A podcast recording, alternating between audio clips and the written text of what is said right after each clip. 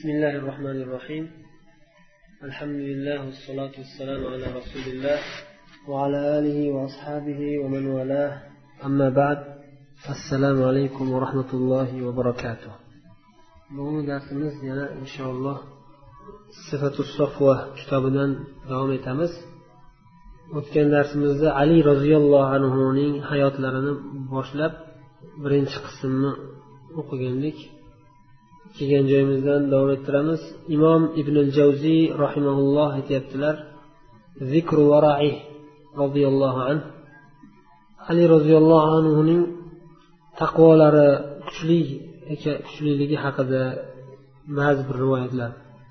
Vara deb taqvoni kuchlirog'ini aytiladi taqvo harom narsalardan va makruh narsalardan uzoq bo'lishga taqvo deyiladi. Varo hatto ba'zi bir muboh narsalardan ham o'zini ehtiyot qilishga aytiladi. Maqsadi o'sha muboh narsalar borib makruh narsalarga tortib ketib qolishdan qo'rqish.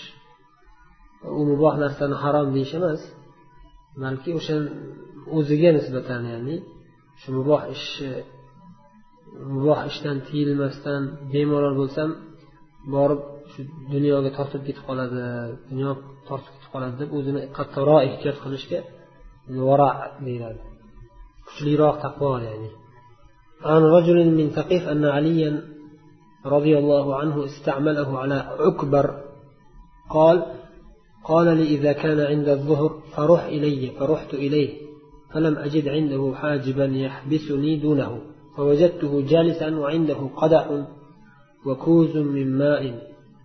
Saqif qabilasidan bo'lgan bir kishi ya'ni tobiiylardan birlari aytyaptilarki ali roziyallohu anhu meni e, ukbar degan mintaqaga amir qilib voliy qilib tayinlaganlar. Keyin bir kuni aytdilar peshin vaqtida uyimga kelgin deb chaqiribdilar. Borsam dedilar u kishini hech qanday bir qorovullari ham hajib ya'ni qorovullari ham yo'q ekan. Qarasam o'tirgan ekanlar oldilarida bir tog'ara bor ekan. Tog'orada suv keyin yana bir idishda suv ozgina ichadigan suv bilan ehtiyot uchun olib qo'ygan tog'orada ham suv bor ekan. Keyin bir xaltachani olib chiqinglar deb aytibdilar. Uylaridan xaltacha olib chiqishibdi. Kichkina xaltacha ekan. Endi xayolimdan o'tdiki deyaptilar saqafiy kishi saqafiy kishi aytyaptilar shu xaltachani ko'rganimdan keyin hayolimdan bir narsa o'tdi deydilar nima ekan u?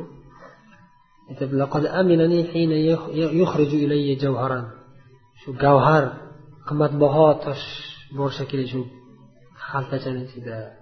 Shunday qimmatbaho narsani meni oldimda menga ko'rsatishliklari bu menga ishonganliklariga dalolat meni yaxshi ko'rib menga ishonch hosil qilganliklari uchun menga ishonganliklari uchun shunday bir qimmatbaho narsani olib chiqdirdilar deb tursam ichida nima borligini ham bilmayman debdilar taxmin qilyaptilar فإذا عليها خاتم فكسر الخاتم فإذا فيها سويق u xaltachani og'zini bekitib qo'ygan ekanlar bekitib muhrlab qo'ygan ekanlar birov ochmasin deb muhrlab qo'ygan o'sha joy sindirib ochib qarasam uni ichida ichida shu arpadan arpadanmi bug'doydanmi tayyorlangan bir keyin bu kishi rivoyatchi aytadilar saqafiy فلم أصبر حتى قلت يا أمير المؤمنين أتصنع هذا بالعراق وطعام العراق أكثر من ذلك iroqda bo'lib turib siz shunday qilasizmi iroqda bundan ko'ra yaxshiroq va ko'proq taomlar borku dedim. Ya'ni o'zingizni qiynab nima qilasiz? Oddiy bir arpadan yoki shunday bir haligi. Oddiy bir arpadan tayyorlangan sho'rva bilan kifoyalanib nima qilasiz?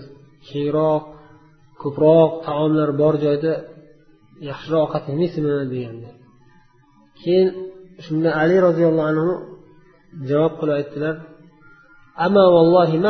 alayhi buhlan alayhi. ولكني أبتاع قدر ما يكفيني فأخاف أن يفنى فيصنع من غيره وإنما حفظي لذلك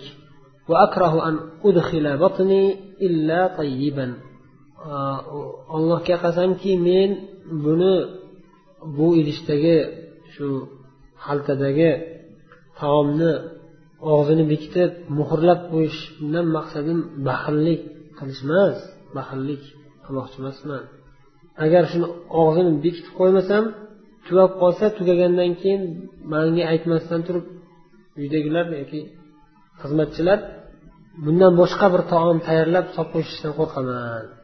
Ya'ni qimmatroq taom solib qo'yishlaridan qo'rqaman. Manga oddiyroq shu taom bo'ladi deb shu ataylab shuni og'zini bekitib qo'yamanki boshqa taom bilan aralashtirib yuborishmasin yoki qimmatroq taom solib qo'yishmasin deb muhrlab qo'yaman. Va oshqozonimga halolligida hech qanday shak shubha yo'q bo'lgan taom kirgizishni xohlayman boshqa shubhali taom kirishini xohlamayman dedilar. Ya'ni bu o'sha taqvolari kuchliligidan bo'lmasam u kishiga o'zlariga yarasha haq huquqlarini baytul moldan olib bemalolroq yaxshiroq taomni yesalar bo'ladi. Faqat taqvodor zot bo'lganliklari uchun bu dunyoga berilmaganliklari uchun shu oddiygina bir taom bilan kifoyalanardilar وعن عمرو بن يحيى عن أبيه قال أهدي إلى علي بن أبي طالب رضي الله عنه أزقاق سمن وعسل فرآها قد نقصت فسأل فقيل بعثت أم كلثوم فأخذت منه فبعث إلى المقومين فقوموه خمسة دراهم. فبعث إلى أم كلثوم ابعثي إلي بخمسة دراهم ali ibn abi tolib roziyallohu anhuga taom solinadigan idishlarda sariq yog' va asal sovg'a qilinibdi shuni qarasalar ozgina kamayib qolgan bor ekan ichida bittasi sal kamayib qolibdi keyin kim oldi bundan kim yedi deb surishtirsalar qizlari ummu kulsum rahimahalloh hojatlari bo'lganda odam yuborib shu asaldan sariyog'dan ozgina olib keling deb odam yuborgan ekanlar.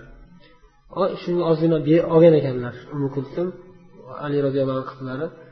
Ana shu taomdan olgan ekanlar asal yoki sariyog'dan shunda ali roziyallohu anhu muqovvimlarga ya'ni narx navolarni biladigan o'lchab narx navolarni ajratib beradigan odamlarga odam yuborib chaqirtirib kelib qancha yeyilganligini topinglar dedi. Qancha necha pullik qancha miqdorda olingan shu idishdan o'zi avval to'laydi shundan ozgina kamayib qoldi. Qancha ketgan shu pulini aytinglar desa desa deb talab qildilar. Shunda ular besh dirhamli olingan ekan xolos deyishdi.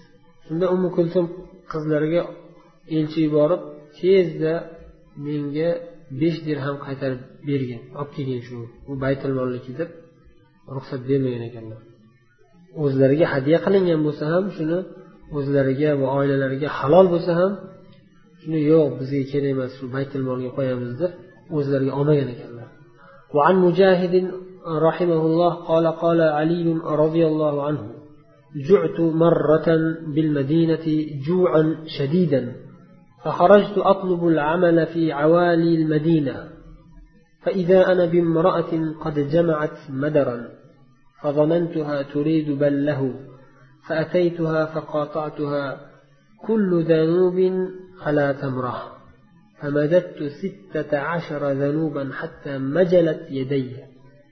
ثم أتيت الماء فأصبت منه ثم أتيتها فقلت بكفي هكذا بين يديها وبسط إسماعيل يديه وجمعهما فعدت لي ست عشرة تمرة فأتيت النبي صلى الله عليه وسلم فأخبرته فأكل معي منها ali roziyallohu anhu aytyaptilar bir kun madina munavvarada madina nabaviyda payg'ambarimiz davrlarida qorinlari ochib yegani taom topolmadilar qattiq qornim ochib ketdi dedilarda avali madina madinani avali degan mahallasi bor Avali o'zi tepalog'i degani avali degan mahallaga chiqdim deydilar ish qidirib borib ish qidirib yursam bir ayol uyini oldiga tuproq to'plab qo'ygan ekan. Tuproq to'plab qo'yganidan ko'rib loy qilmoqchi shekilli shu tuproqdan loy qilib keyin guvala yasab uy qurmoqchi shekilli deb gumon qilib shu ayoldan so'radim. Xizmat kerakmi? Ishlab pul pul topmoqchiman ishlamoqchiman. Yani pul emas ya'ni rizq yani. Bu paytda ishlab dirham yoki dinor olish kamdan kam bo'lardi. Ko'proq bir ish qilsa o'rniga bir taom olinardi. Shunda har bir quduqdan taqirga suv toshib bergin manga dedi bu ayol. Men savdolashib har bir taqirga bitta dona xurmo beraman dedi.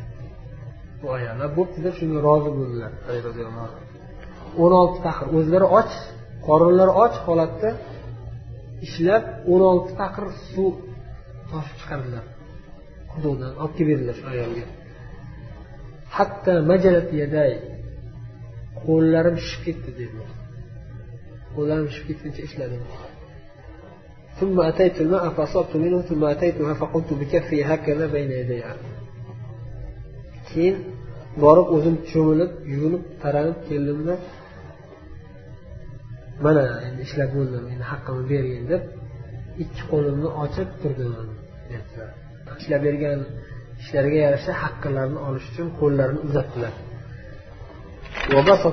E, ismoil yadayhi. Hadis rivoyat qilayotgan roviylardan ismoil degan roviy rivoyatchi ya'ni vallohu alam tobeinlardan bo'lsalar kerak qo'llarini ochib shunday qilib qo'llarini ochib yozib ikkita qo'lni bir biriga yopishtirib ko'rsatib beryaptilar. Haligi shunday deganlarni bu musalsal hadislarga kiradi. Agar ismoil ismoildan rivoyat qilgan odam ham agar shunday qilib naql qilgan bo'lsa musalsal hadislar qatoriga kiradi. Mustalahul hadisda o'tganimiz esinglarda bormi? Musalsal hadis sifatlari shartlari aytilganda. Ismoil shu yerda ko'rsatib beradilar ali roziyallohu anhu mana shunday ko'rsatib berganliklarini. Borib shunday qildim. Qo'limni ko'rsatib qo'limni cho'zib endi haqqimni bergin degan ma'noda qo'limni cho'zdim dedilar. Keyin shunda u ayol o'n oltita dona xurmo berdi qo'limga. Qo'limga solib berdi. o'n olti dona xurmo solib berdi qo'limga. Sanayapsizmi yuz dona ekan. Xurmolar فأتيت النبي صلى الله عليه وسلم فأخبرته فأكل معي منها keyin o'n olti dona xurmoni olib payg'ambarimiz sallallohu alayhi vasallam oldilariga keldim deydilar bu qanday qilib topganimni aytib berdim shunday voqea bo'ldi shu o'n olti taqir suv toshib berdim shuni hisobiga evaziga o'n olti dona xurmo oldim mana deganlarida payg'ambar sallallohu alayhi vasallam xursand bo'lib birgalashib yeb o'tirishdi o'n olti dona xurmoni ali roziyallohu anhu bilan payg'ambar sallallohu alayhi vasallam birgalashib yedilar endi kalimatul muntahabatun min kalamihi va mava'izihi alayhissalom ali roziyallohu anhuni u kishi kitobda alayhissalom deb kelyapti endi alayhissalomni aytdikku biz faqat ali roziyallohu anhuga xoslab aytish to'g'ri emas. O'zi alayhissalom to'g'ri ma'noda. Lekin ali roziyallohu anhu o'zlariga xoslab qo'ymaslik kerak.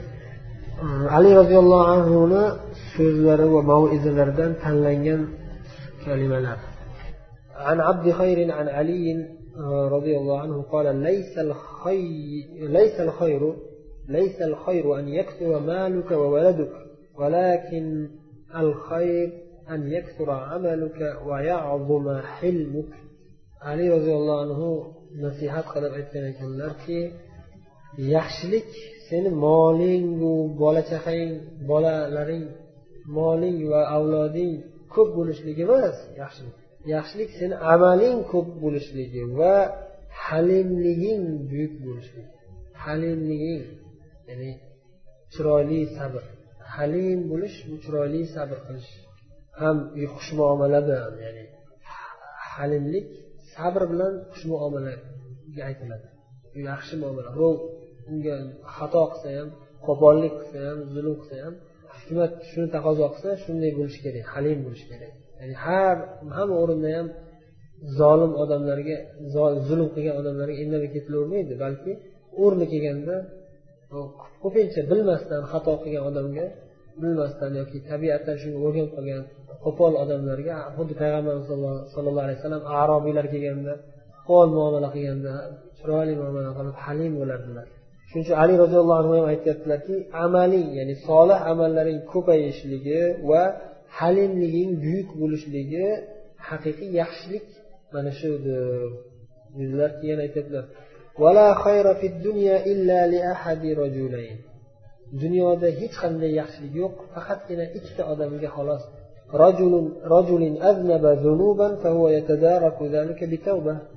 Gunoh qilib qo'ygan qancha gunohlar qilib qo'ygan odam tezda tavba qilib shoshilib tavba qilib turgan odam uchun yaxshi.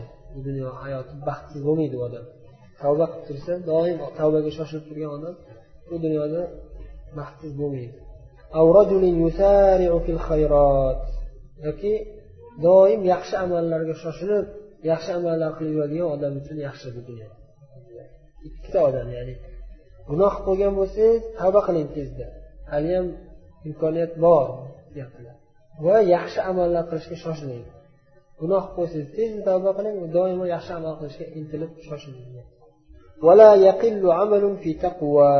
Taqvo bilan bajarilgan amal hech qachon kam bo'lmaydi. Ozgina amal bo'lsa ham kam hisoblanmaydi. U yengil kichkinagina bir amal bo'lsa ham solih amal bo'lsa taqvo bilan ya'ni xolis niyat bilan bajarilgan bo'lsa hech qachon u kam emas oz emas. Qabul qilinadigan amal qanday qilib oz hisoblansin? Oz hisoblanmaydi hech qachon. Ya'ni bu so'zlari payg'ambarimiz sallallohu alayhi vasallamning bir ko'pdan ko'p hadislariga bir izoh sifatida. Shu hadislardan birida payg'ambar alayhi aytganlarini sabaqa dirham miata alf dirham. Sabaqa dirham miata alf dirham. Bir dirham ba'zida yuz ming dirhamdan afzal ketadi dedilar. Nimaga? Chunki bir dirham bergan odam bir dirham bo'lsa ham ixlos bilan solih niyat bilan beradi. Xolis niyat bilan beradi. Ba'zida yuz ming dirham bergan odam riyo uchun beradi maqtanish uchun beradi xudo saqlasin. Shuning uchun uniki bir tiyin o'tmaydi. Xolis niyat bilan sunnatga muvofiq bajarilgan amal ozgina bo'lsa ham barakali bo'ladi. Barakali bo'ladi. Shunday deyaptilar. Keyingi nasihatlarida aytyaptilar ali roziyallohu anhu inna akhwafa ma akhafu ittiba'ul hawa va tulul amal. Men eng qattiq qo'rqadigan narsam shu havoi havoga ergashishlikdir. Havoga havoi nafsga ergashishlik eng xatarli narsa. Va yana tulul amal orzu umidlari uzun bo'lishligi orzu umidlari ko'p bo'lishligi. Ko'p narsalarni orzu qilib o'tirish ya'ni dunyoviy narsalarni kelajagini dunyoviy hayotini rejalashtirib uzoq o'ylab o'tirish. Shu kelajakda bundoq qilaman bundoq qilaman orzu tilaklari ko'p bo'lishligi bu dunyoda dunyoga taalluqli tilaklar.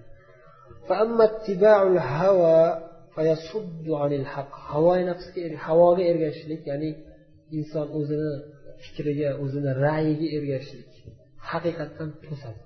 Haqiqatdan to'sadi. Haqiqat kelganda o'zini ra'yiga ishonib aqli zakovatiga tayanib haqiqatni qabul qilmaydigan bo'lib qoladi. Xudo saqlasin.